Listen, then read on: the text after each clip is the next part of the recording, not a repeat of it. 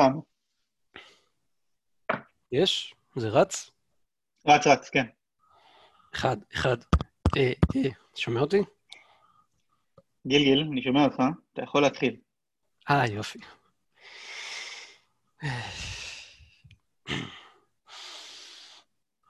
אהלן לכולם, נהנים, אה, אני גיל, יש לי אה, קבוצת פלייסטיישן קטנה, שאני מנהל אותה עם בערך 500 איש. אה, אני גיימר מאז שאני זוכר את עצמי, היום, היום אני עוד מעט בן 36. ה-highlight של, ה, של פסגת הגיימינג שלי עד היום היה לחבר קונסולת פלייסטיישן לאולם קולנוע שעולה 6 מיליון שקל, רק, רק הציוד בו, באיימקס בראשון, ולשחק עליו משחקים. אה, היום... לי לנחש Mortal Kombat. קרוב, באגס, לא, Bugsnax, איך קוראים לזה? תן לי איזה משחק עקום, רציתי להגיד. איזה Snake או איזה משהו כזה.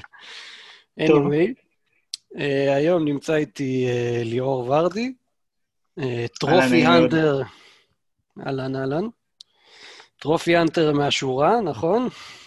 כן, יש לי כרגע 274 גביעי פלטיניום. ואני קצת גביעים כבר 11 שנים. אה, לא רציני, הייתי בטוח שיש לך כבר אלף. לא, אלף גביעי פלטיניום. לא נראה לי שיש uh, הרבה אנשים בארץ שיש להם אלף גביעי פלטיניום. אני מכיר אחד וגם הוא אני לא בטוח שיש לו. נראה לי שיש. יש מישהו בעולם שיש לו? החשבון המשותף הוא שנקרא הקום, בטוח יש לו יותר מאלף.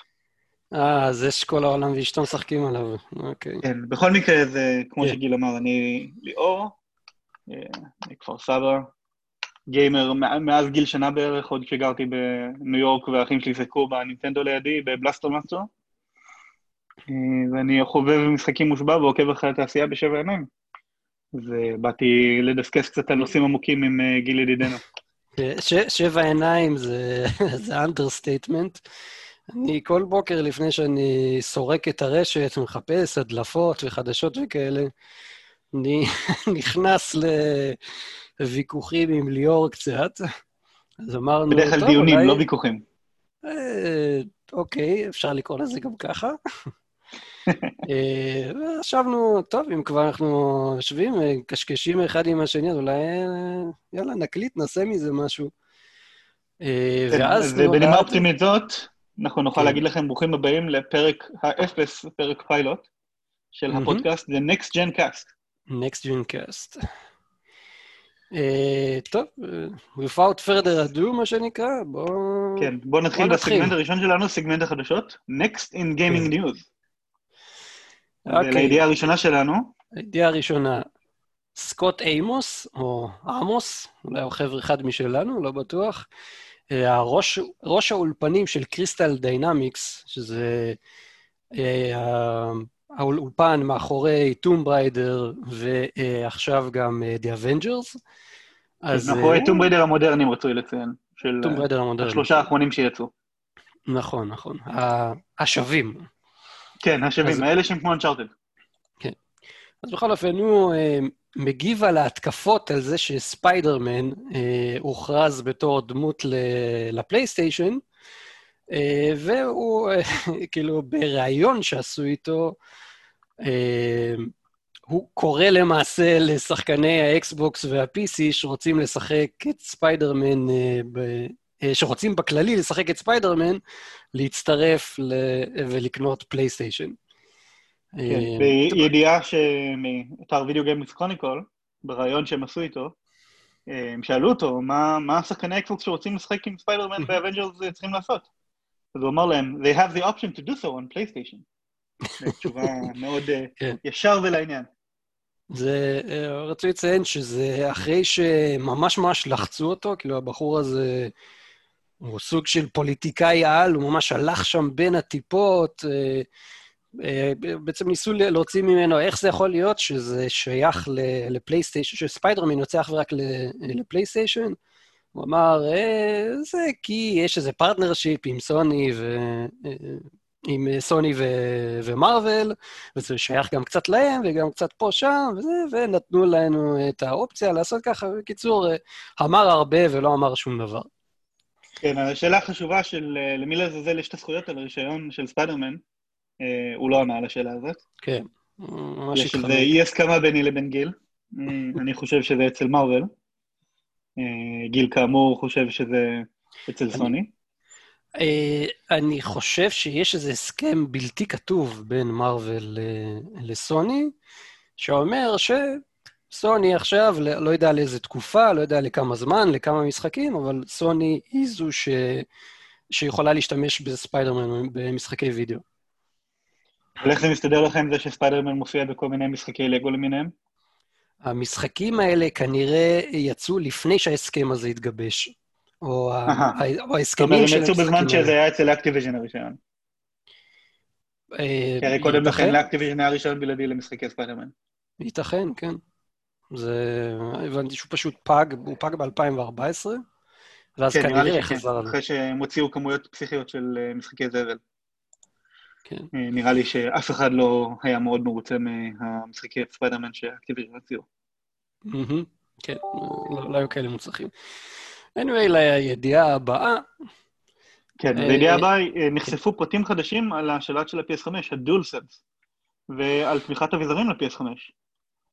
אז יש בחור אנונימי שהוא מפתח אביזרים באיזושהי חברה שהוא לא נקב בשמה, שהוא פתח טוויטר שקרא לעצמו גלקסי, גלקסי ריין 666, רק בשביל לשתף עם האינטרנט תמונות של הדולסנס. ובאחד מהתמונות הוא מראה את הגב של הדולסנס, שזה אגב מראה לנו שזה mm-hmm. שלט שיוצר ביפן, כי כתוב עליו ביפנית מאחורה. האמת שאני חושב שזה אפילו לא הגב של השלט, אני חושב שהוא הוציא את הסוללה מהשלט. ורואים על השוללה שהיא 1560 מילי אמפר שעה, ושהיא רצה במתח של 4.2 וולט, וזו קפיצה משמעותית מאוד מהסוללה של הדול שוק 4, שהיא 1,000 מילי אמפר שעה ורצה על מתח של 3.7 וולט.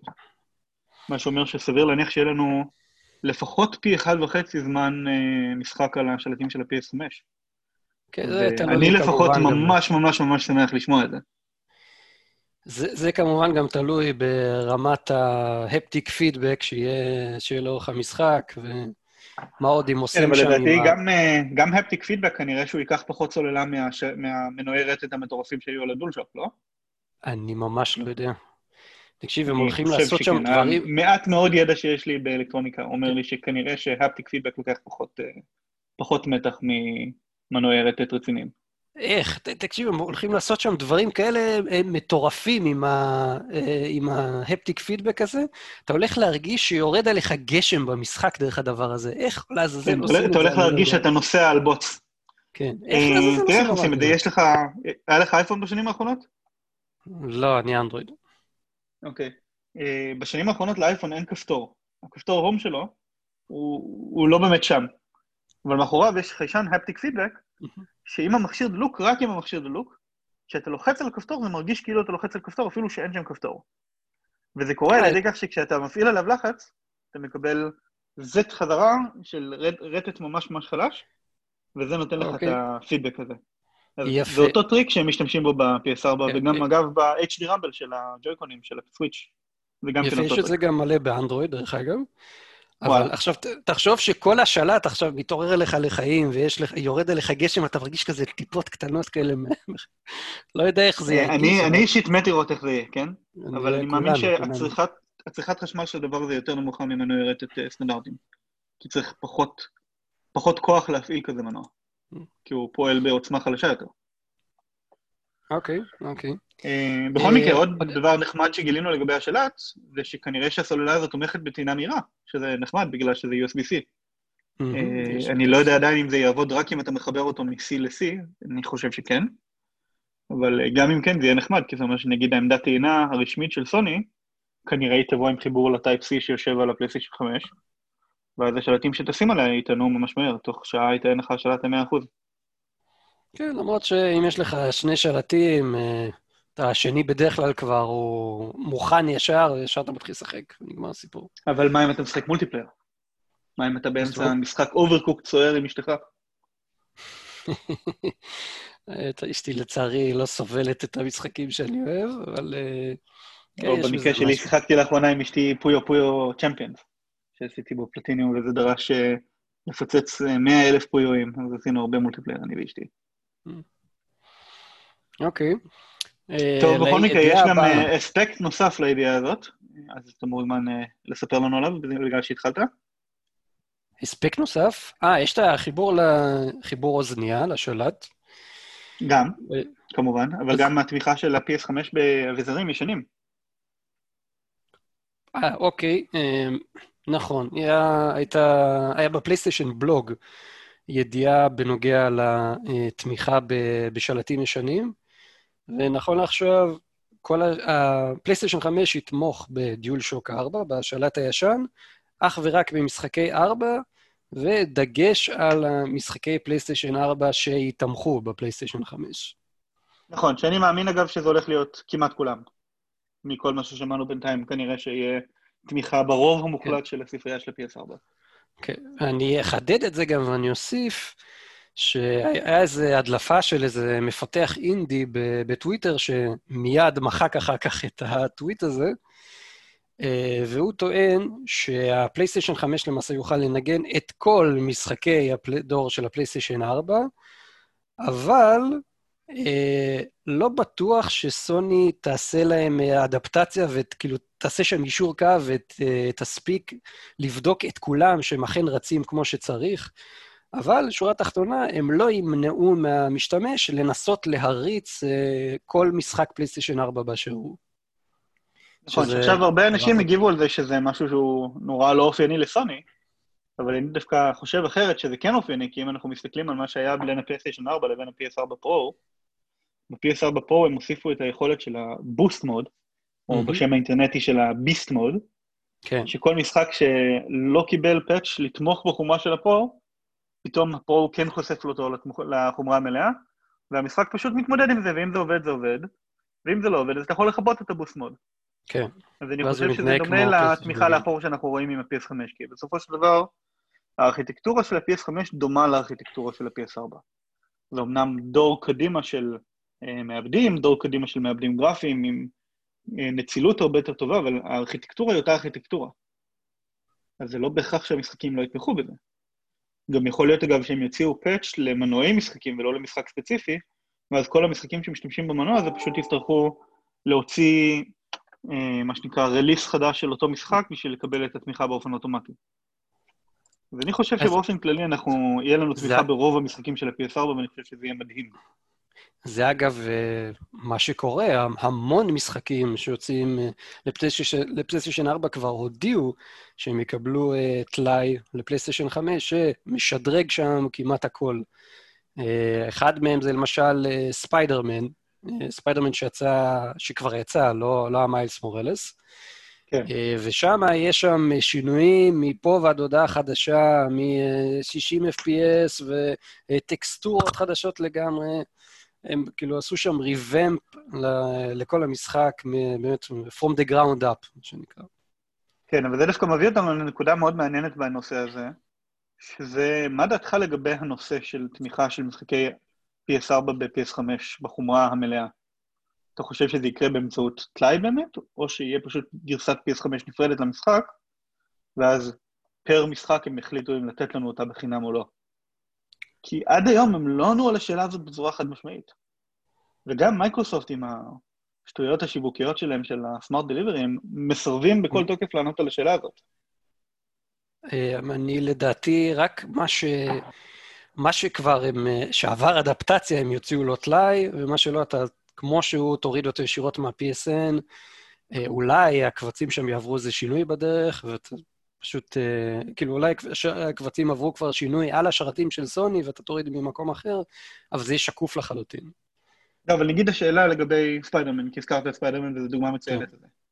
האם ספיידרמן הקיים של ה-PS4 יקבל patch שיהפוך אותו להיות ספיידרמן ל-PS5? או לחילופין, אתה תקבל זכאות אוטומטית להוריד גרסה מקבילה שלו שהיא משחק PS5 נייטיב. אני חושב שככה או ככה זה לא כזה משנה.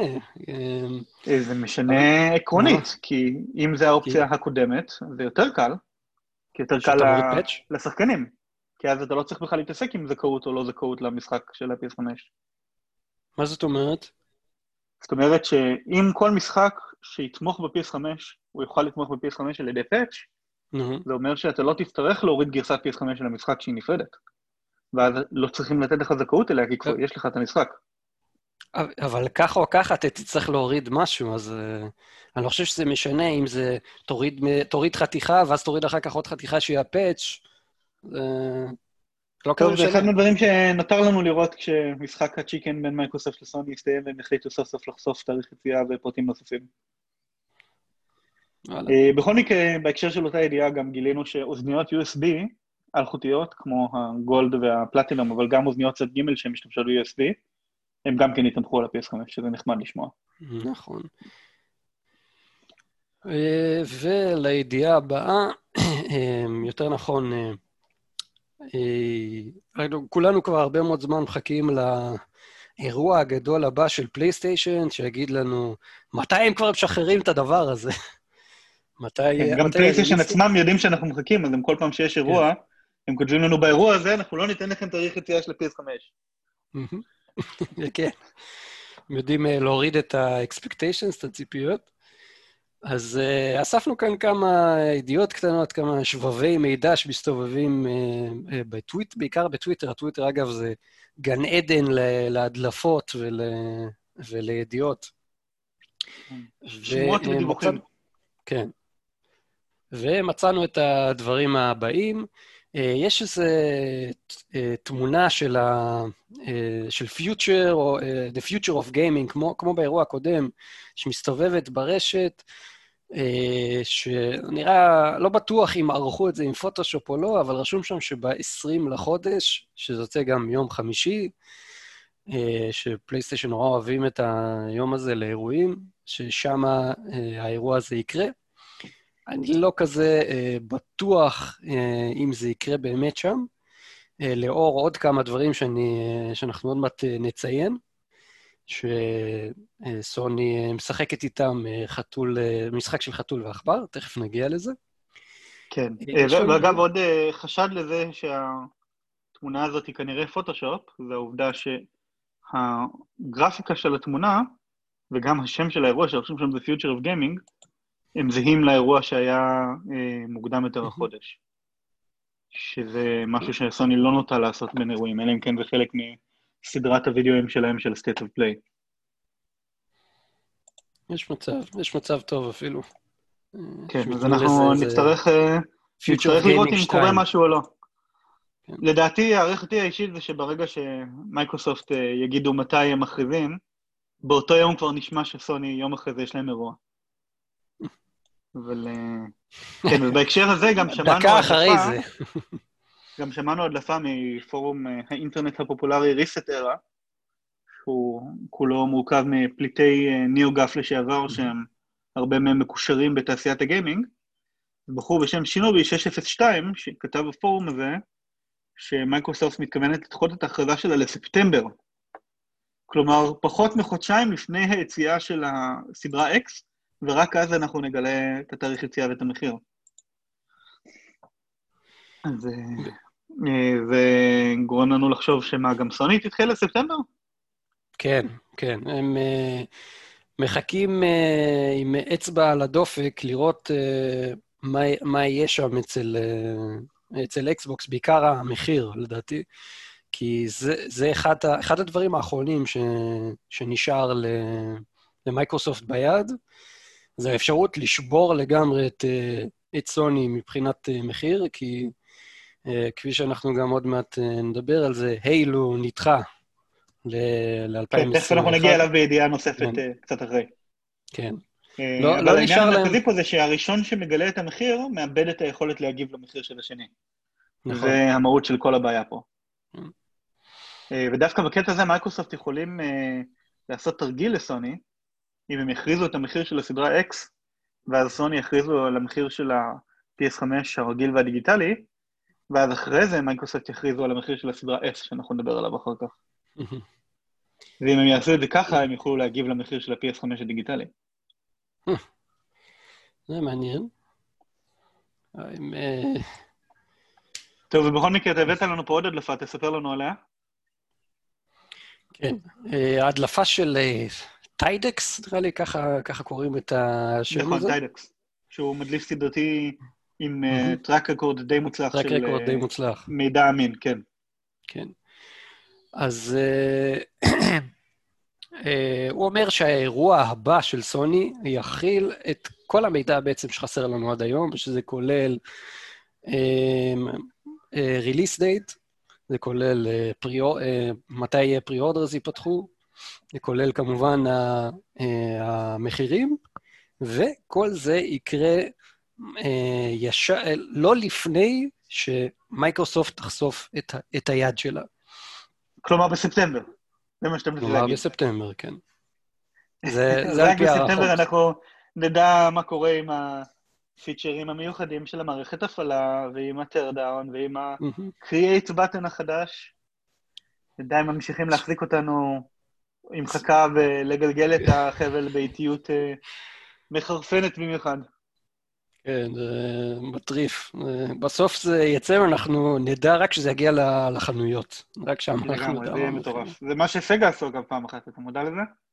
מתי סגה? זוכר את הסיפור עם הסגה Saturn? וואלה, לא, אני לא זוכר. בארצות הברית סגה Saturn הכריזו ב-E3, אני חושב הראשון או השני, נראה לי הראשון, של 95. סגה הכריזו על היציאה של הסאטרן, שזה היה אותו יום. הם אמרו, המכשיר יוצא היום. ופשוט אף אחד לא ידע על זה, כי E3 באותה תקופה היה רק לעיתונאים של מגזינים, אז עד שהחדשות הגיעו לקוראים זה עוד חודש נוסף, פשוט חודש המכשיר ישב במכוניות ואף אחד לא קנה אותו. הסאטורן היה מכשיר... היה, הוא היה כישלון מטורף כן. בארצות הברית, אבל דווקא גיליתי לפני כמה חודשים כשחקרתי את הנושא, שביפן הוא לא היה כישלון, אתה יודע שביפן הוא מכר יותר מהנינטנדו 64? לא, לא ידעתי. ועכשיו אתה יודע, מסתבר שהסאטרן אשכרה ניצח את הנינטנדו 64 ביפן. הנינטנדו 64 היה מקום שלישי מבין הפלייסטיישן, הסאטרן וההוא. עכשיו זה רק ביפן, נכון?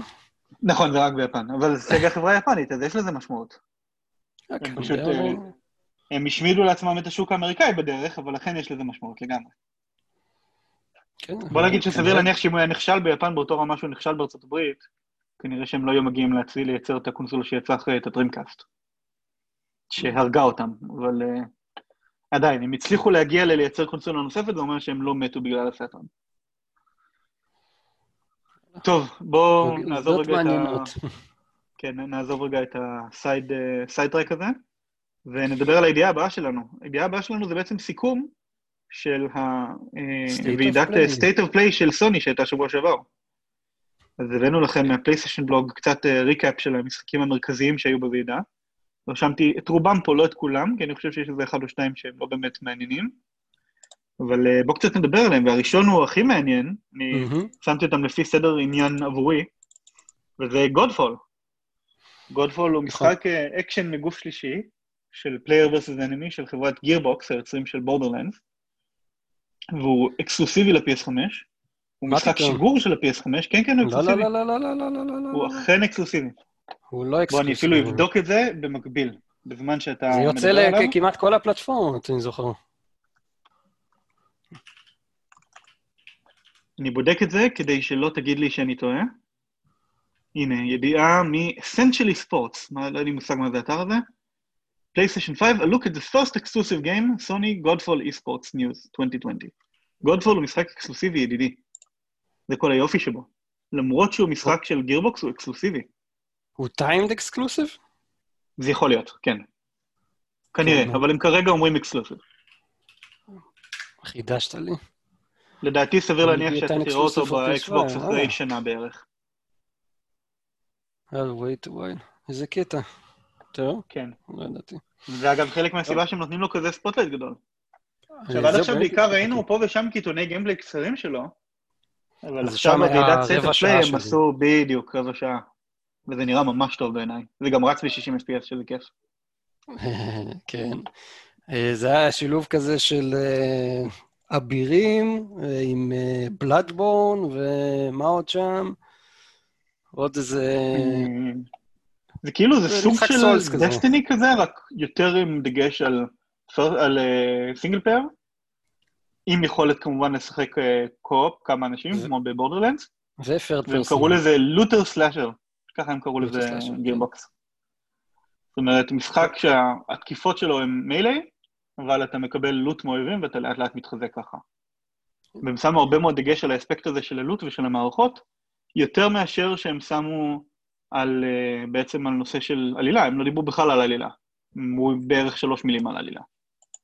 אז כנראה כן. שזה לא יהיה משחק עלילתי במיוחד, אבל זה יהיה משחק שיש לו gameplay loop שאפשר לחזור עליו שוב ושוב. כן, היו שם איזה... ווואלה, אני לא, לא הייתי לגמרי בעניינים לגביו, עד לזה שראינו עכשיו את ה gameplay שלו ב State of Play, אבל עכשיו הוא הרבה יותר מעניין אותי, בגלל שה gameplay נראה טוב. כן, זה היה נראה מאוד מאוד fluid, יש שם איזה חמש class־ים, עד כמה שאני זוכר. חמש אה, סוגי נשקים, אני חושב, זה היה לא class־ים. אני חושב שהם קראו לזה class־ים, לא משנה. אה, וכל אחד מהם באמת היה נראה יותר פסיכי אחד מהשני. אני, בעיניי לפחות זה מאוד מצא חן. זה הזכיר לי קצת אה, ימים של, את הימים הטובים של Ninja Gaiden במובנים נכון, מסוימים. נכון, לגמרי, וגם Devil May Cry קצת זה מזכיר. אז, אז הנה, אני רואה, חיפשתי רגע בחיפוש מהיר בגוגל, חמשת סוגי הנשקים הם long swords, שראינו שזה גם הולך עם מגן, פולארנס, שזה נשקי מוט, אחת לא יודע אם... רגע, רגע, רגע, רגע. אני לא יודע אם שמת לב, אבל האנימציה שם של המגן, שהוא עושה, כשהוא מחזיק הגנה, זה אחד לאחד כמו של קריטוס. לא יודע אם שמת. באמת? לא, לא שמתי לב לזה. הוא כזה זוהר, הוא כזה נפתח לא כזה, הוא נהיה זוהר מסביב. הוא במקור טוב לקונספט. כן. טוב. טוב, המשחק הבא שאנחנו רוצים לדבר עליו זה משחק בשם זה פדסטריאל, שלי לא היה שמץ של מושג שהוא קיים, מסתבר שהוא מגיע לסטים ול-PS5, יכול להיות גם לעוד קונסולות, לא בדקתי את זה לעומק. הוא יוצא בינואר 2021, שזה די קרוב. אה, זה משחק אינדי ככל הנראה, שהקטע שלו זה שאתה משחק איזשהו סטיק פיגר כזה, אה, שהוא מנסה, נראה שהוא איזה גבר שמחפש את הבחורה להציל אותה, ואתה קופץ על כל מיני כאלה פאזלים של פלטפורמות של דו-ממדיים, אבל מחוץ לפאזל עצמו יש לך עולם תלת-ממדי, שאתה יכול לעשות פה פעולות כמו לחבר תמונות אחת לשנייה, ואז הדמות שלך עוברת בין התמונות. זה נראה יותר כמו שלטים ברחובות. שלטים ומפות וכל מיני דברים מעניינים כאלה. אה, זה מאוד כן, הזכיר לי את The Witness קצת. לא שיחקתי. לא שיחקת את The Witness של ג'ונתן בלו? לא, לא שיחקתי. חבל. טוב, במשחק הבא אני לא שיחקתי, אז אולי אתה תוכל לדבר עליו יותר. לא, אני תמיד גם לא שיחקתי ב Control. לא שיחקת? אוקיי. אבל לכל מי שאני מכיר, זה כאילו הדבר היחידי שיש לי להגיד עליו, כל מי שאני מכיר, ממש ממש עף על Control, ממש אוהב אותו. הוא אומר שהוא כן, אז אה, ממש revolution. אה, גוף שלישי, אקשן עם המון דגש על עלילה שמתרחש בעולם של Alan Wake, שיצא השנה, אם אני לא טועה. לא, נכון, השנה או שנה שעברה? זה במקרה של ה expansion, לא? לא, אני מדבר על ה Control המקורי, הוא יצא השנה או שנה שעברה? אני חושב ששנה שעברה. בוא נבדוק את זה שנייה. יש לו קשר ישיר לעולם של Alan Wake? כן, הוא באותו עולם, בגלל זה בגלל זה ה expansion. כן, אז Control יצא באוגוסט 27, 2019, ובדיוק שנה אחרי היציאה שלו, מסתבר שזה בדיוק שנה on the day, הם מוציאים אה, הרחבת single player גדולה מאוד, שנקראת AW expansion, שהיא לוקחת את הרמזים שהיו במשחק לזה שזה באותו עולם של Alan Wake, ועושה חיבור יותר משמעותי בין השניים. אה, ונראה שהיא מכה הרבה גלים ברשת ההכרזה הזאת. כן. אבל יחד עם זה, האמת, משהו שלא רשום פה, היה ידיעה מהשבוע, שהוכרזה גרסת ultimate של המשחק, שתצא, שתצא יחד עם ההרחבה והיא תכיל את ההרחבה בתוכה, והם אמרו שרק מי שקונה את גרסת ה ultimate, יקבל mm, את נכון. גרסת הדור הבא של Control מתנה. זה קצת, אה, זה קצת low, אתה לא חושב? זה מאוד low, זה מכוער מאוד, כמו מה ש-2K עשו עם NBA 2K, לדעתי זה דרך מאוד מאוד גרועה אה, לגרום לשחקנים לקנות משחק פעם נוספת. לדעתי זה אה, בעיקר יגרום לשחקנים להתעצבן על המפתחים. רק שנייה אחת, רק שאנשים ידעו, מה 2K עשו עם NBA 2K? אז מה ש-2K עשו עם NBA 2K זה שאתה יכול לקנות את גרסת ה-PS4 של המשחק ב-60 דולר. הוא עוד לא יצא, אבל הוא יצא בהמשך, באוקטובר אני חושב. זה זה עם התוספת 10 דולר? כן, אז אתה יכול לקנות את גרסת ה-PS4 ב-60 דולר, או שאתה יכול לקנות את גרסת ה-PS5 ב-70 דולר, וזה גרם לכולם לחשוב שמשחקי PS5 יעלו 10 דולר יותר, לפני שחברות אחרות אמרו שלא, לא, לא, אנחנו לא עושים את זה. אבל אם אתה רוצה גם את גרסת ה-PS4 וגם את גרסת ה-PS5, אתה צריך לקנות את ה-Ultimate Edition שעולה 99 דולר. ואז אתה זכאי לשחק בשניהם. זה נשמע כמו מהלך מבית היוצר של EA Games, אתה יודע? של אלקטרוניק כן, אז מסתבר שטייק 2, חברת האב של 2K ושל Rockstar, הם לא נופלים בזדון שלהם מ-EA Games. כן, לפחות במקרה הזה של NBA 2K. האמת שגם היה לנו דברים דומים עם NBA 2K בשנים האחרונות, עם loot boxes ו micro transaction בכמויות מזוויעות. אז אני לא מאוד מופתע שהוא שוב פעם מקור לסקנדל כזה בנושא של מחירים ושדידת הלקוח. טוב, המשחק הבא שאנחנו נדבר עליו הוא משחק אינדי בשם Aeon Must Die, שזה משחק מאוד מאוד ציורי כזה, שהוא סוג של נראה כמו ביטמאפ וקצת נראה כמו מטרואידבניה, לא לגמרי ברור באיזה משני הז'אנרים הוא. אבל מה שמעניין במשחק הזה זה דווקא פחות המשחק עצמו, כי הם גם בקושי דיברו עליו, הם פשוט הראו וידאו של גיימפלי למשך איזה דקה. במקום זה, מה שמעניין במשחק הזה זה כל מה שהולך מסביבו. ששנייה אחת אחרי שהוא הוכרז, קבוצה של אנשים שטוענים שהם אה, אנשי סטודיו הפיתוח המקורי של המשחק, חברה בשם Limestone Games, החבר'ה האלה טוענים שהחברה, Limestone Games, זרקה אותם לכל הרוחות וגנבה להם את הזכויות קניין על המשחק ולא שילמה להם כסף וכל מיני דברים בסגנון הזה.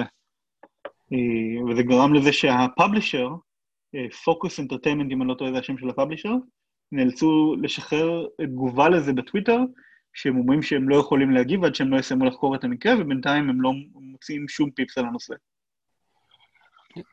זה עוד... כבר אה, כל עולם הגיימינג עף על זה, שזה מה לעזאזל הולך פה.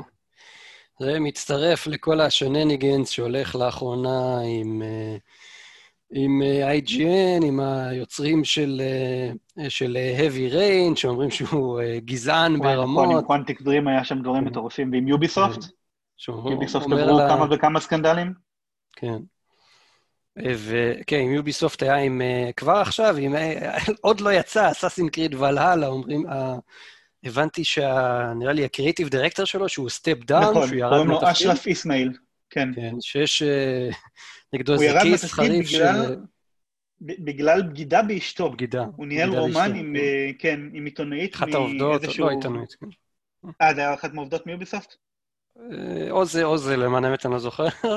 אני גם לא זוכר, אפשר לחפש את זה, אבל כן. מה שמעניין פה זה שזה אפילו לא מיסקונדקט ישיר, אה, לפחות לא בצורה הקלאסית, ולמרות זאת הוא פשוט חטף כל כך backlash בטוויטר, שהוא אמר, אני חייב לקחת הפסקה ולנסות לרפא את המשפחה שלי. אה, אני לא אופתע אם אשתו תעזוב אותו על כזה דבר, אבל זה מעניין שקריאייטיב דירקטור מתפטר על בגידה באשתו.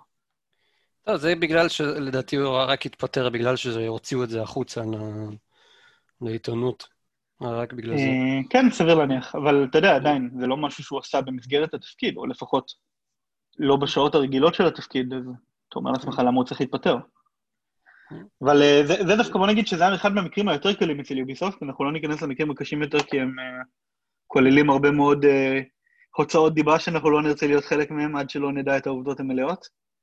אבל אה, דיברו שם על אה, דברים שהם ברמת פשע. כן, אה, זה, אני, בנימה אישית אני רוצה להוסיף לזה, יש באמת כל כך הרבה כביסה מלוכלכת שהם מוציאים לאחרונה על, על כל מיני חברות משחקים, שגם אני, גם אתם, אנחנו רגילים לשחק. אי אפשר להיות יותר צדיקים מהאפיפיור בסופו של יום, כן? לגמרי, זה, אני איתך. זה, זה קיים ב- בכל מקום. ולדעתי, כל עוד זה לא דבר שהוא נוראי, שלא נדע מצרות אה, רצח, או איזה פדופיליה, אונס, דברים כאילו מחרידים, אז לא תהיה לנו ברירה אלא קצת... אה, אה, קצת להחליט. אחד מהדברים שאמרת, יש, אה, יש האשמות לגביו.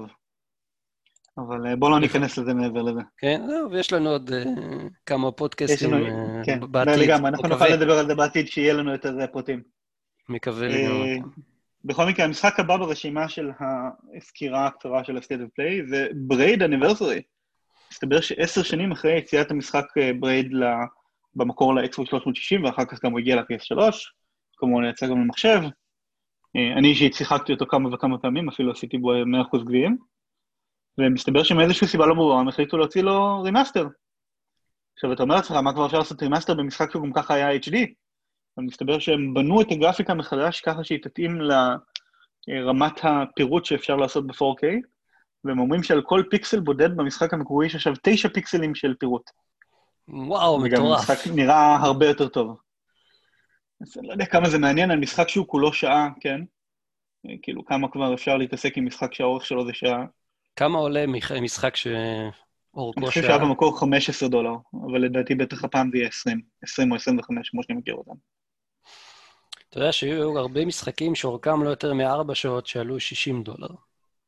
אה, נכון, לדעתי זה ביזיון, אני לא אוהב את זה. Call of Duty למיניהם.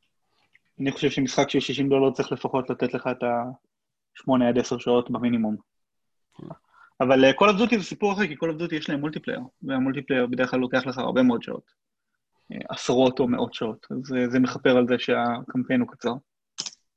אפילו שהוא עלוב ברמות. כן, טוב, בוא תספר לנו על המשחק הבא, זו מסדרה שאני מאוד מאוד אוהב. קראש, קראש 4, קראש בנדיקוט. אני אגיד לך למען האמת, אני לא יצא לי מעולם לשחק בבנדיקוט. בכלל? כן, אבל זה עשה לי חשק, כשראיתי את מה שהולך שם. אז תקשיב, אני... תעשה לעצמך טובה, תקנה את הטרילוגיה ל-PS4. יש מצב שאני אעשה את זה, יש מצב. זה משחקים כי... ממש ממש ממש טובים. אה, מה שהראו שם, אה, מה ששמעתי גם אה, מעבר לזה, שיש במשחק הזה פשוט 100 שלבים. נכון, 100 שלבים. זה לגמרי מטורף. אז מעבר לזה שיש 100 שלבים, אנחנו יודעים שהוא יוצא בשני לאוקטובר. אנחנו יודעים שהוא המשך לקראש בנדיקוט 3, שיצא, אם אני לא טועה, ב-99 או 98. כלומר, הוא מתעלם מכל המשחקי קראש בנדיקוט שהיו בין אז לבין עכשיו, שהיה איזה חמש נוספים מאז, שזה בחירה מעניינת, אבל זה הולך uh, כהמשך לזה שהם הוציאו טרילוגיה, remasterים של המשחק, שלושת המשחקים המקוריים, של Naughty Dog, uh, ובעצם Activision מנסים לבנות על ההצלחה של הטרילוגיה. ובגלל זה הם הלכו חזרה לסגנון הישן, והם עושים משחק שהוא Crash 4, למרות שהוא לא המשחק הרביעי בסדרה. אבל לפי מה שאפילו קוראים לו It's about time, כאילו זה הגיע הזמן שיצא Crash 4. אבל כפי ש... כאילו, ממה שראיתי, זה לא, כאילו, כאילו, הבסיס הוא אותו דבר, הם הוסיפו אה, גם הרבה אלמנטים שם של תלת מימד, פעם אתה הולך פלטפורמה כזה משמאל לימין, פעם אחת זה אה, כאילו תלת מימדי כזה פנימה. אה, נכון, אבל זה דווקא היה גם במשחקים המקוריים. זה גם היה בקודמים? כן, לא זוכר כן, שתדע לך, בקראש בניקוט אחד, שזה אגב היה המשחק הראשון אי פעם ששיחקתי על הפלייסטיישן. אצל בן דוד שלי אי שם באיזה שנת 96, mm. אני חושב, או 95 אפילו. Crash Bandicoot אחד היה ידוע בזה שיש לך שלבים שבהם אבן רודפת אחריך ואתה צריך לרוץ לכיוון קדמת המסך. זאת אומרת, אתה רץ לעבר המצלמה בשביל לברוח מהאבן, ותוך כדי יש לך מעט מאוד זמן להגיב לבורות שמופיעים לך ואתה צריך לקפוץ מעליהם. אז זה style כזה אינדיאנה ג'ונס? בדיוק style אינדיאנה ג'ונס, מדויק לחלוטין. וואלה, מגניב. בא לי עכשיו. אז אה, קטע מיוחד ב Crash 4 זה שיש ארבע מסכות חדשות בנוסף לחבר של Crash אה, Aku Aku, שאני לא אחפש עכשיו את השמות שלהם, אבל אה, כל אחד מהמסכות האלה היא סוג של power-up חדש שנותן לך יכולות מיוחדות לזמן קצוב. ובנוסף יש inverted mode, שזה איזשהו mode משחק אה, שאתה יכול לפתוח אחרי שאתה מסיים שלב, שמאפשר לך לשחק את השלב עם כל מיני אפקטים גרפיים ואפקטים על ה gameplay, בין השאר גם mirroring על, הצ... על העיצוב של השלב, mm. אבל גם עם כל מיני אפקטים מיוחדים שתלויים באיזה מימד השלב משוחק. כי כל אחד מהשלבים הוא במימד אחר, יש ארבע מימדים ב Crash Bandicoot ארבע. מגניב, מגניב ברמות. אה, המשחק הבא ש... אה, שמוצג ב State of Play זה Hitman 3 ל PlayStation VR. הוא ו... גם ל PlayStation VR והוא גם לא ל PlayStation VR. ה-VR הוא אופציה. כן. אה, הנה הילד בדיוק התעורר. אנחנו נרשה לך רגע כן, כן, לטפל בילד, זה חשוב. אה, זה בסדר, אשתי כבר שם. אה, anyway, היטמן 3 לפלייסטיישן VR. אה, זה היה נראה ממש ממש מגניב. כשרואים אותו, אני הייתי בטוח בהתחלה שזה מוד כזה של... של פרסט פרסן שעשו לזה, כי המשחק הוא הרי מגוף שלישי, כל המשחקים עד היום היו מגוף שלישי, ואז פתאום אתה רואה כזה, אתה רואה אותו הולך בין אנשים וזה, ואז מגיע למישהו מאחורי הגב, ועולות פתאום שתי ידיים. כן. אז זה לדעתי היה ממש ממש אחד המגניבים. זה נשמע מעניין, וגם אה, בגלל שזה יוצא, בגלל שזה יוצא בינואר 2021, יש סיכוי טוב שזה יתמוך בפלייסטיישן VR על ה-PS5. אה, כל, אה, רצו לציין שכל משחק שיוצא מ... תקן איתי, מיוני או יולי? מיולי, אני חושב, כן. מיולי הוא מחויב לתמוך בפלייסטיישן 5. נכון, אבל השאלה פה האם יהיה גרסת PS5 שממש, כאילו, מנצלת את החומרה כמו שצריך, אני מקווה שכן. נכון, כמובן, עוד לא אמרו מילה אחת על הפלייסטיישן VR. הם אמרו רק שהוא נתמך.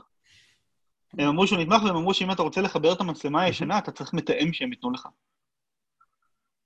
כן, אתה מתאם בחינם, אבל אתה צריך לבקש אותו. כן. כן, אתה צריך להגיש טופס מיוחד בשביל לבקש שהם ישלחו לך את המתאם. מאוד מתקדם מצדם. מאוד יפה. האמת שאותי יותר מעניין אם אפשר פשוט לקנות את המצלמה החדשה ושהיא תעבוד עם ה-VR הקיים, זה מה שאני רוצה לדעת. אבל אני מניח שנגלה את זה בקרוב.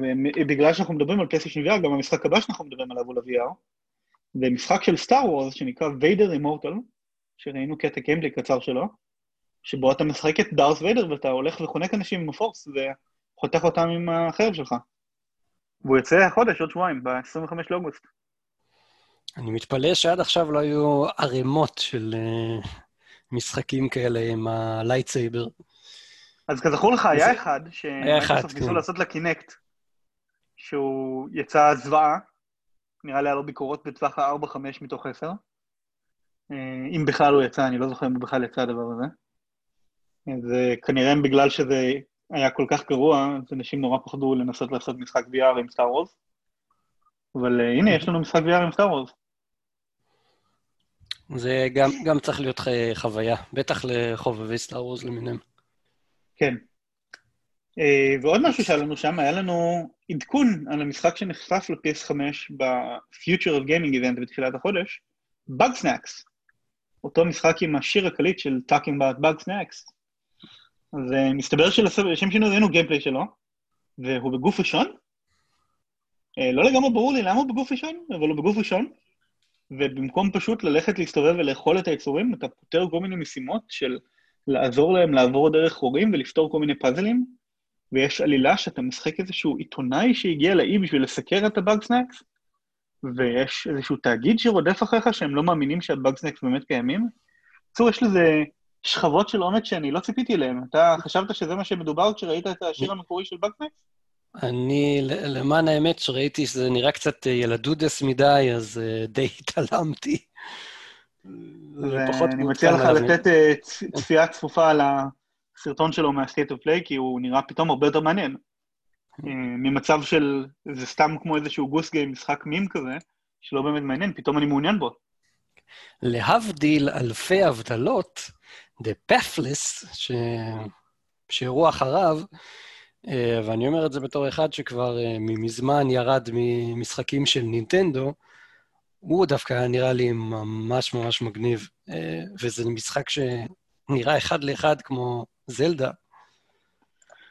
כן, נכון. משחק של חברה בשם ג'יינט סקוויד, שם מאוד מעניין. מה שאנחנו רואים שם זה שאתה משחק צייד בעולם מאוד מאוד ציורי, ואתה סוג של מחליק על גבי שטחים פתוחים, ויורה חצים על כאלה טליסמנים בשביל לקבל עוד אנרגיה למד הדש שלך, ואז מדי פעם אתה נכנס לכאלה מבוכים שיש בהם המון המון פאזלים, שהפאזלים ממש הזכירו את זלדה. ולאחר שאתה מסיים את המבוכים האלה, אז גם יש בוסים שרודפים אחריך, או יותר נכון שאתה רודף אחריהם, שהראו שם איזשהו טירקס אדום עצום כזה, שרץ לו בחושך ופתאום כל המסך נהיה אדום, וזה היה די פסיכודלי. נראה ממש יפה. טוב במשחק. זו אותה חברה, אגב, שעשתה את המשחק Abzu, אם אתה זוכר אותו. Abzu? כן, זה היה משחק PS4, אני חושב שזו חברה שהיא נוצרה מהשאריות של החברה שעשתה את Journey ואת Flower. ו Abzu זה היה משחק שהוא היה בסגנון של Journey. כן, שיחקתי ב Journey, הוא היה די נחמד. כן, אני חושב שהוא קצת overrated, אבל הוא די נחמד. זהו, כי כל האינטרנט עף על Journey. כן, הקטע של Journey זה שלא אומרים לך שום דבר, ואתה משחק איזשהו יצור כזה שיש לו פונצ'ו עם גלימה, וכל section של הגלימה נותן לך קפיצה נוספת, ואתה צריך פשוט לצאת למסע של לעבור דרך מדבר ומערות, ובסוף לטפס על איזשהו הר ולהגיע לפסגה, שזה titular journey בסיפור, אה, ומה שמעניין שם שלאורך המשחק אתה פוגש יצורים, אבל כל היצורים האלה זה בעצם שחקנים אחרים שמשחקים איתך ב multiplayer. ואתה לא יודע את זה עד שאתה מסיים את המשחק, ואז אתה רואה ב credits איזה שחקנים שיחקו איתך באותו משחק. נכון. יש לך זיכרון של פיל שתהיה בריא. טוב, תשמע, אמרתי לך שאני עוקב אחרי התעשייה בשבע עיניים. אז כן, הרבה אנשים עפים על Journey, אני חושב שהוא קצת overrated, אבל בסדר, זה אני. כן. בכמה מילים אחרונות, איך היית מסכם את ה-state of play האחרון? תשמע, אני הגעתי אליו בלי ציפיות לשום דבר, בגלל ההודעה הזאת שהם כתבו של אנחנו לא הולכים לדבר על ה-PS5, אנחנו לא הולכים לתת פרטים על החומרה בזמן ה-state of play הזה. ודווקא יחסית לציפיות האלה, אני הופתעתי מאוד לטובה. זה היה state of play שהוא מלא בגיימפליי, בניגוד מוחלט לקונפרנסים של מייקרוסופט שכמעט ואין בהם gameplay. כמעט כל מה שראינו פה זה היה gameplay. זה היה פרטים קונקרטיים, הרבה תאריכי יציאה, ונותן לך תשקיף יותר טוב לתוך הרבה מאוד משחקים שעומדים לצאת. אז אני מרוצה ממה שראינו. מה דעתך היה על ה conference? אמ, מה שאני ראיתי את זה, זה של הפלייסטיישן 4 עוד, מה שנקרא, כוחו עדיין במותניו, זה, זה פשוט לא ייאמן, אנחנו עוד טוב, שנייה אחת... טוב, יש לו 120 קונסולות, 120 מיליון קונסולות נמכרו, אתה כן. חושב שהם הולכים לזרוק אותו כל כך בקלות? את, אתה זוכר אבל שהם אמרו שמהיום הם לא מוציאים יותר משחקים לפלייסטיישן 4 שהם אה, של ה-first party studios. הם אמרו את זה? כן. האמת שאני לא זוכר שהם אמרו את זה, אני אשמח אם תמצא את המקור הזה אחר כך. שום דבר של פרסט פרטי סטודיו לא הולך להגיע לפלייסטיישן 4. טוב, אבל כאילו ברור לך שמשחקי ספורט ומשחקי צד ג' הולכים להמשיך להגיע אליו הרבה זמן. כן, זה ברור, זה ברור, כי זה עדיין אה, קהל אפילו אם לא יצאו הרבה פרטי סטודיו, אז אני מאמין שכן, אה, ה-PS4 יש לו הרבה חיים עליו. כן, אז זה מראה שהוא איתנו... צריך גם לזכור אגב שזה קונסולה שהיא בת שבע. יצא ב-2013. כן. וה-PS4 פרו ב-2016 כבר ארבע שנים. והיא מחזיקה במבחן הזמן יפה מאוד, בטח עכשיו עם Ghost of Tsushima שיצא. ועם The Last of Us Part 2. The Last of Us Part 2, אין מה לדבר. כן. אז אה, כן, לדעתי זה מראה שיש לה לפחות עוד איזה שנתיים איתנו כמו כלום. אה, איכשהו אה. סוני מצליחים על חומרה מ-2013 להראות דברים שנראים יותר טוב מההיילו החדש על חומרה כן. של 2020. כן. אה, טוב, אם כבר דיברנו על ה Halo החדש ועל מייקרוסופט, אז הידיעה הבאה שלנו זה על הקונסולה המשנית של מייקרוסופט החדשה שאמורה לצאת, שנקראת האקסבוקס Series S, או סדרה S בעברית. Uh, עד עכשיו היה הרבה מאוד שמועות לגביה, בעיקר שמועות תחת השם קוד שלה, שנקרא Lockhart, אבל uh, לשם שינוי קיבלנו אישור רשמי שהיא קיימת, או יותר נכון אישור חצי רשמי, היה פשוט הרבה מאוד אנשים שקיבלו שלטים שלה, כנראה אנשים בכל מיני מקומות של מפתחי חברות פיתוח משחקים למיניהם, והם פשוט פרסמו סרטונים ביוטיוב על השלט החדש, שהוא בצבע לבן בניגוד לשלט השחור שכל הזמן מראים עם הסדרה X, ורשום על הקופסה שלו שזה לסדרה X או S, mm-hmm. מה שאומר שיש סדרה S, וזה מתיישר מאוד עם ה naming convention של מייקרוסופט מהדור הנוכחי, שיש להם Xbox One S שהוא חלש mm-hmm. יותר ו-Xbox One X שהוא חזק יותר. אז עכשיו יהיה לנו סדרה X שהוא חזק יותר וסדרה S שהוא חלש יותר. ככל הנראה חלש יותר. השאלה המעניינת לא הגדולה פה זה, מה אתה חושב שבעצם יהיה עם הסדרה S? מה המשמעות של הקונסולה הזאת? המשמעות של S, קודם כל, עבור פלייסטיישן, זה שלדעתי הם צריכים לפחד שם קצת אצל סוני. מייקרוסופט... כן, אתה חושב שהם צריכים לפחד מהדבר הזה? כן. כי מייקרוסופט, אם היא רק באמת רוצה, היא יכולה לעשות שמות ב... מבחינת מחיר. יכולה לשבור את סוני לחתיכות. כאילו, תאר לעצמך אם, סתם אני זורק מספרים, הדיגיטלי יעלה, 300, יעלה 400 דולר, ו... הדיגיטלי של הפלייסטיישן 5, כן? של הפלייסטיישן 5, כן. אנחנו עדיין לא יודעים אם יצא אם, ה-S של האקסבוקס הוא יהיה דיגיטלי, למרות שזה... לדעתי לא. זה אופציה, זה אופציה, כן? הם כבר היו שם, אבל הם חזרו... אני חושב שהם ירצו למתג אותו בתור uh, 4K Blu-ray player שהוא זול. אבל אם ירצו... אגב, אפשר קצת לדבר על החומרה שלו, לפי השמועות שהיו על ה Lockhart. החומרה של ה Series S, של הסדרה S, זה בעצם אה, בדיוק כמעט אחד לאחד אותו חומרה של הסדרה X, רק שהמעבד הגרפי הוא בערך שליש מהעוצמה של הסדרה X. זאת אומרת, זה מעבד גרפי נורא נורא חלש של 4 teraflop, שזה אפילו פחות מה-6 teraflop של ה-Xbox One X שיש עכשיו. אז 4 teraflop זה כמו הפלייסטיישן 4 פרו, יש משהו שהוא 3 נכון, זה כמו הפלייסטיישן 4 פרו, ואגב, ה-Xbox One X, הייצור שלו הופסק כן. כ precursor לזה שהכריזו על הסדרה S, שמחליף אותו. וככל הנראה, ממה שהבנתי, בגלל הארכיטקטורה הגרפית החדשה, למרות שזה 4 teraflop, אמור להיות בערך באותה עוצמה של ה-6 teraflop של ה-One X. אה, אבל יש גם אה, אנשים אחרים, כמו איזשהו פודקאסט שגם אני ואתה מקשיבים לו, פודקאסט אמריקאי, שחושבים שהסדרה S הולך בכלל להיות streaming box שיעלה 100 או 200 דולר. אתה חושב שזה קיים כזה דבר? או שזה bullshit מוחלט? זה לא, יהיה, זה לא יעלה 100-200 לדעתי, אבל זה יכול בקלות להגיע ל-300. זה לא יהיה גם סטרימינג. אבל אם זה 300 זה כבר יהיה קופסה לוקאלית, לא? מכשיר שאתה קונה ומחבר כן. לטלוויזיה. כן, זה גם אין מצב שזה יהיה streaming box. הם, אני יש, מסכים איתך לגבי זה, אני חושב שזה... יש להם את ה-Cloud היום, אתה יכול לחבר עליו טאבלטים, אתה יכול לחבר עליו מה שאתה רוצה. זה, יש להם גם את ה... זה שלהם עכשיו עם סמסונג, את הדיל שהם עשו עם, עם סמסונג על אנדרואיד. לגבי ה-Xcloud. לגבי ה-Xcloud, אין שום סיבה כן. שהם יוציאו קופסת סטרימינג. אז הדיבור הוא שזה כאילו יהיה קופסה של אותו בחור שעשה את. ה-prediction הזה, זה שזה יהיה קופסה שכל מה שהיא יודעת לעשות זה להתחבר ל-Xcloud, והיא לא תוכל בכלל לשחק משחקים מקומית. אני חושב שזה מנותק מהמציאות, אני לא חושב שכזה דבר יקרה בקרוב. אני, אני איתך לחלוטין. כאילו, גם ככה הם יכולים לחבר לשם הכל, אין להם שום סיבה להוציא קופסה ייעודית רק ל-Xcloud. בדיוק. ובכל מקרה, אם מישהו רוצה לראות בעצמו את השלט הלבן ואת האישור הרשמי, אתם יכולים להיכנס ל-Kotaku.com, אה, ויש שם כתבה על זה שמראה את התמונה עם הכיתוב של ה-Xbox Series S לוכסן X. טוב, ובנושא הזה של הסדרה X, אה, אנחנו גילינו שמשחק הדגל שלהם, Halo Infinite, אותו משחק שהם הראו באירוע שלהם החודש, קיבלו על זה בראש חזק מהקהל שהגרפיקה נראית על הפנים, אה, מסתבר שהם דוחים אותו ל-2021. למרות שהם שנים על גבי שנים, מהשנייה הראשונה שהוכרז הדור הבא, עוד לפני שבכלל היה לו שם, הם אמרו, המשחק שיצא איתו ביחד זה הילו אינטרנט, ופתאום מסתבר שלא. אה, כי הם נאלצו להודות בידיעה נפרדת מהדחייה של ההילו אינפינט על זה שהסדרה אקס יצא בנובמבר, והוא יצא בלי הילו אינפינט. אז מה אתה חושב על זה, גיל? זה נראה לך הגיוני שהם מוציאים את הקונסולה בלי האקסקלוסיבי הראשי שלהם? תקשיב, זה מכה אנושה לדעתי עבור... טוב, לא אנושה, כי זה עדיין חברה עצומה, אבל זה מכה קשה בשביל, בשביל מייקרוסופט. מאז ומתמיד היה ל-Microsoft את השילוש הקדוש שלה.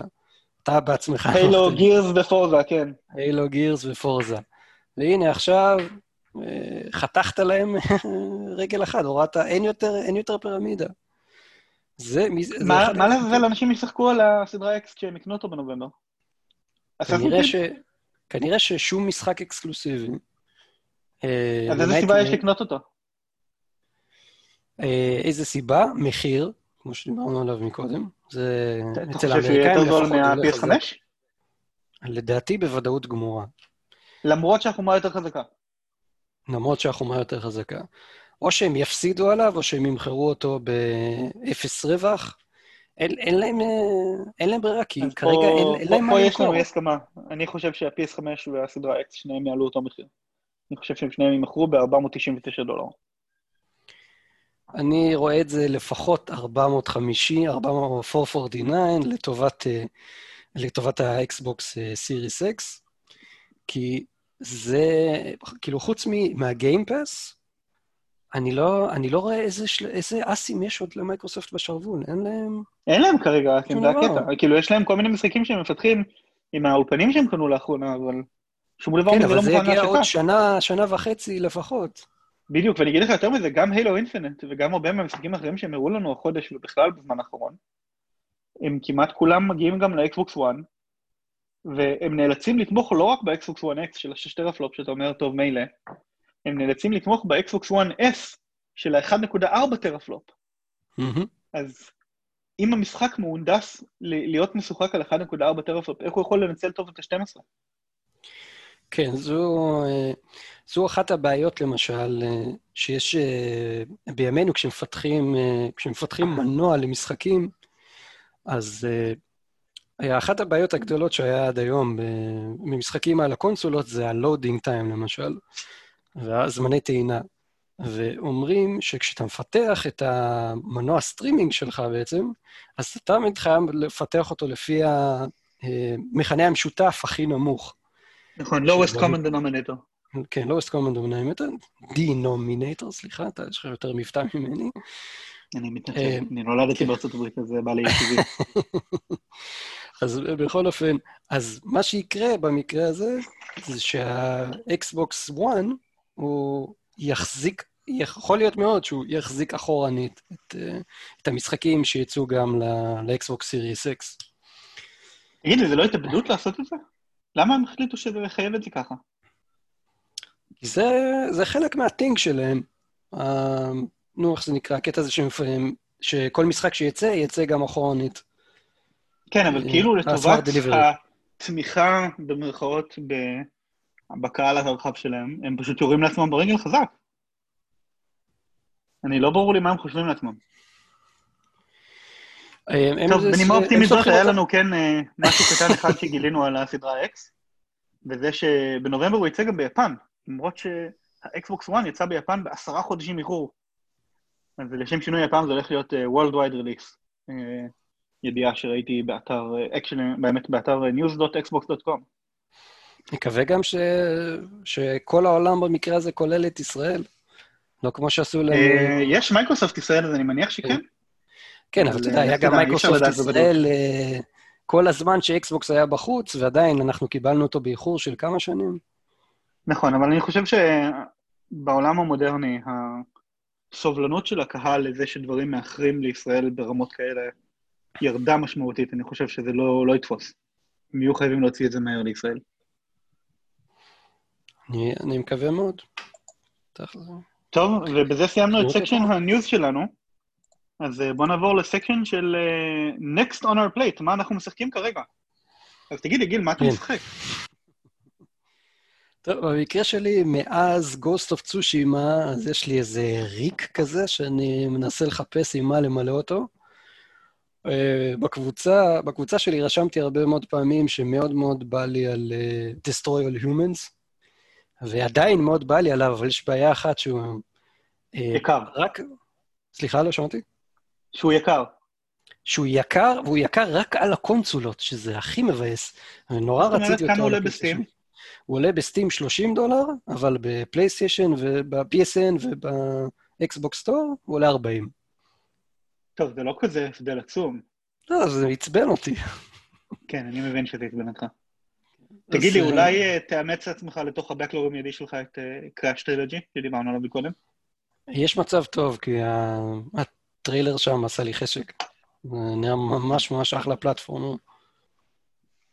דרך אגב, הוא אה. קשה נחשב המשחק הזה? הראשון קשה ממש, במיוחד ה-remaster שלו איכשהו יותר קשה מהמקור, אבל השני והשלישי לא קשים בכלל. Hmm. אוקיי. אה, הוא כרגע, האמת, לא, הוא בהנחה בוולמרט, אבל ב-PSN הוא עולה 40 דולר לכל הטרילוגיה, שזה לא נורא. אה, כן, טוב, אני משחק כרגע שתי משחקים. אה, אחד מהם התחלתי לפני כשבוע, את סטאר וורס ג'די פולן אורדר, שיצא שנה שעברה. קניתי אותו בהנחה 30 דולר במקום 60 לפני כמה חודשים כשהיה מבצע ב-PSN. אה, והחלטתי להגיע אליו סוף סוף. כולם אמרו לי שהוא משחק souls-like, בסגנון של Dark Souls. ומסתבר שזה פשוט שקר. אין שום קשר בינו לבין Dark Souls. הדבר היחיד שדומה ביניהם זה שיש אה, כאלה checkpoints באמצע השלב שהם נקודות מדיטציה שהן כמו המדורות ב-Dark Souls, אבל מעבר לזה, פשוט יש לך מפה שזה משהו שאין ב-Dark Souls, יש לך מעבר אה, חד בין שלבים שזה משהו שאין ב-Dark Souls, והרמת קושי של המשחק היא לא קשה בכלל, אני משחק על... יש שם easy, normal, hard ו-very hard, הם נתנו לזה כל מיני כאלה שמות מוזרים של סטאר וורס, ואני משחק על רמת hard, ואני ממש נהנה מהמשחק, הוא נחמד מאוד. אה, יש לו עלילה מעניינת, כתיבה טובה בעולם של סטאר וורס, הוא מתרחש בין אפיסוד 3 ל-4, אחרי ה-Order 66 המפורסם שהתחילו לצוד את כל הג'די. יש לו קסטומיזציה כמו למשחק RPG אמיתי?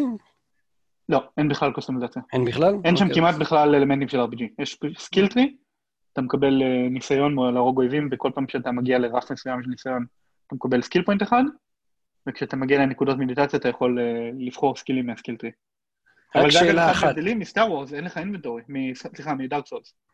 איך זה להילחם עם ה lightsaber? כיף. כיף ומהיר, והוא רץ ב-60 FPS על ה- PS4 Pro. רץ ב-60? כן, עם פרפורמנס מוד שמנחית אותו ל-1080p לנייטיב רזולושן שלו, אין לי בעיה עם זה. אבל אה, הוא רץ ב-60 FPS, זה ממש כיף.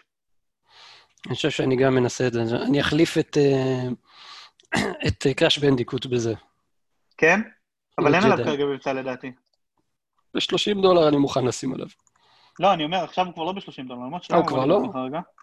לא, קניתי אותו לפני איזה חודשיים ככה. כן, הוא 60 וואי. כרגע, עדיף לך לחכות למבצע. טוב, כי הם הורידו אותו בחצי מחיר בסאמר סייל. כן, אנחנו יכולים לראות, ב... יש אה, אתר מבצעים שנשתמש בו שנקרא psprices.com, אתה רואה היסטוריית מחירים של המשחק, וה-30 דולר זה הכי נמוך שהוא היה.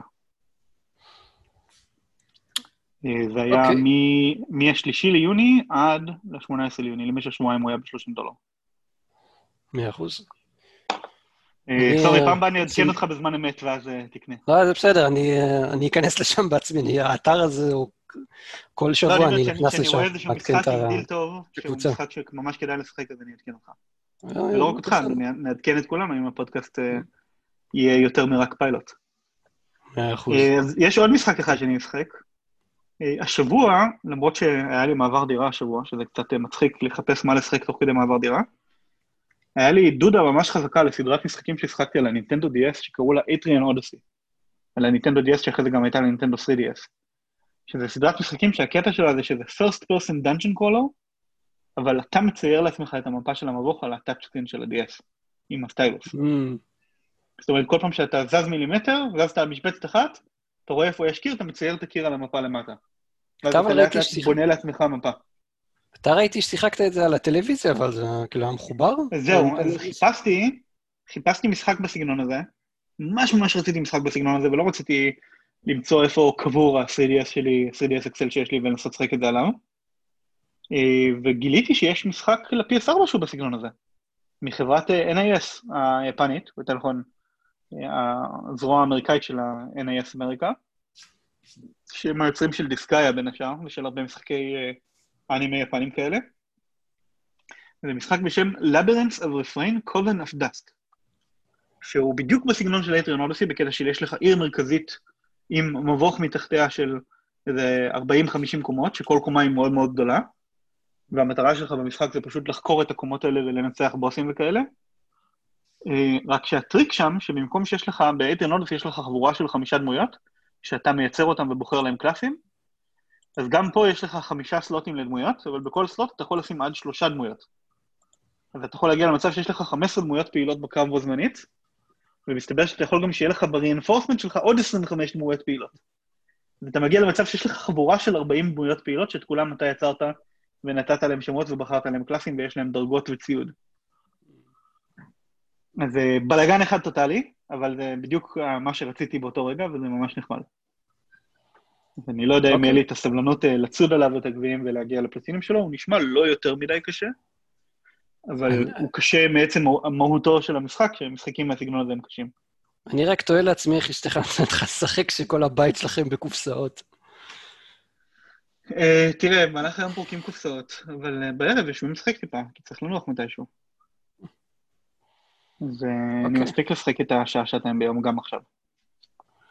אני אף פעם לא. מאבד את היכולת לשחק לפחות שעה, שעתיים ביום. אני אמרתי לך, חכה לילדה. גם עם הילדה, הילדה תישן אצלי על ה... היא תישן אצלי על הידיים, או לידי על הארסל, ותוך כדי שהיא מתנדדת לה עם ארסל אוטומטי שמנדנד אותה, אני אשחק ב-PS4. "אמ, כן, ואז היא תתחיל לבכות, ואתה תצטרך להבין למה היא בוכה. ואני אשחק בהצלחה. עם אוזנייה, עם אוזנייה אחת במקום שתיים. ואז אם היא בוכה, אז אני אוכל להרגיע אותה. טוב, בואו נגיע לסגמנט האחרון שלנו. אמ, סגמנט שנקרא Next. Next on your plate, שבו אנחנו מביאים לכם דילים. בניגוד למה שעל הצלחת שלנו, הנה מה שצריך להיות על הצלחת שלכם, הנה מה שאתם יכולים לקנות השבוע בזול במיוחד. והבאנו פה רשימה של דילים, אני אשמח לתת לך, גיל, קצת לעבור עליהם. בטלפילד 1, 3 דולר. שזה מחיר זה... פסיכי לחלוטין, למשחק כן. שלם, גדול. זה סטיל לגמרי. כן. MGS 5, 4 או 5, 4 דולר או 5 עבור ה-Definitive Edition. שאני חושב אני... שה-Definitive הוא פשוט מגיע עם Ground Zero, עם האינטרו. כן, כן, נכון מאוד. אה, Deus Ex Mankind Divided, 4.5 דולר. כן, גם כן מחיר מטורף למשחק ממש ממש טוב, של Square אה, Enix. לגו הארי פוטר Collection, 5 דולר. מי שאוהב, מי שאוהב את משחקי הלגו למיניהם, אני קצת פחות מת, מתחבר, גם פחות להארי פוטר. זה שילוב אבל... של שני משחקים ב collection הזה, של לגו, לגו הארי פוטר שנים 1 עד 4, ולגו הארי פוטר שנים 5 עד 7. זה בעצם שני משחקים במחיר של 5 דולר, שזה מגוחך. המחיר, כן, בהחלט אה, מגוחך. Doom 2016, 6 דולר. אה, Doom יותר מזה, באמת. הוא בפייל השם שלי, הוא במשחקים האלה שאני צריך לשחק, שקניתי ולא שיחקתי, אז אני יום אחד אגיע אליו. Shadow of Mordor, Game of the Year Edition, גם 6 דולר. Shadow of Mordor זה באמת אחד המשחקים שאני חושב שיותר נהניתי לשחק מהם. אמ, אני גם בתור אה, חובב גדול של אה, Lord of the Rings, אני מאוד מאוד אוהב את, העולמות, את העולם הזה. אה, יש שם את המכניקה הזאת שלקחו מהמשחקים של באטמן. את הנמסיס גם. הנמסיס אין בבאטמן. לא, אני אומר, בנוסף למכניקה של ה countering והמכניקת קרבות, אה, כן. יש גם מערכת שלמה שנקראת Nemesis system של אורקים עם שמות ייחודיים שנוטרים לך טינה ותוקפים אותך וצדים אותך, וזה ממש נחמד. כן. אז אה, באמת לכל כל חובבי Lord of the Rings זה משחק חובה לחלוטין. וזהו. אה, טוב, נראה לי שזה מספיק לפרק ראשון, כן. פרק פיילוט, פרק אפס. תם ונשלם. נקווה שזה, שכולכם האזנתם עד לפה. ואם האזנתם עד לפה, אנחנו נשמח מאוד שתגיבו לנו. כן. בפוסט שבו אנחנו נפרסם את הפודקאסט, כן. תגיבו לנו מה חשבתם. תנו לנו. פידבקים והצעות להמשך. בין אם אהבתם, בין אם לא, לכו הביתה, אל תחזרו, לא משנה. תגידו כל מה שעל הלב. אנחנו נקבל את זה בברכה. אה, ואנחנו גם אה, נעשה חושבים, אנחנו רוצים לשפר את הפורמט, או להוסיף דברים, או להוריד דברים, כן. בהתאם לפידבקים שנקבל. כל, כל הצעה שיש לכם, באמת, בכיף גדול. אז... אז תמשיכו. לשחק, ונקווה שנתראה בהקדם. כן. יאללה, ליאור, uh, היה כיף לבלבל לך במוח קצת. גם לי, אנחנו בדרך כלל עושים את זה בפייסבוק, אבל עכשיו כן. יהיה לנו קל, זה יהיה מעניין. כן. טוב,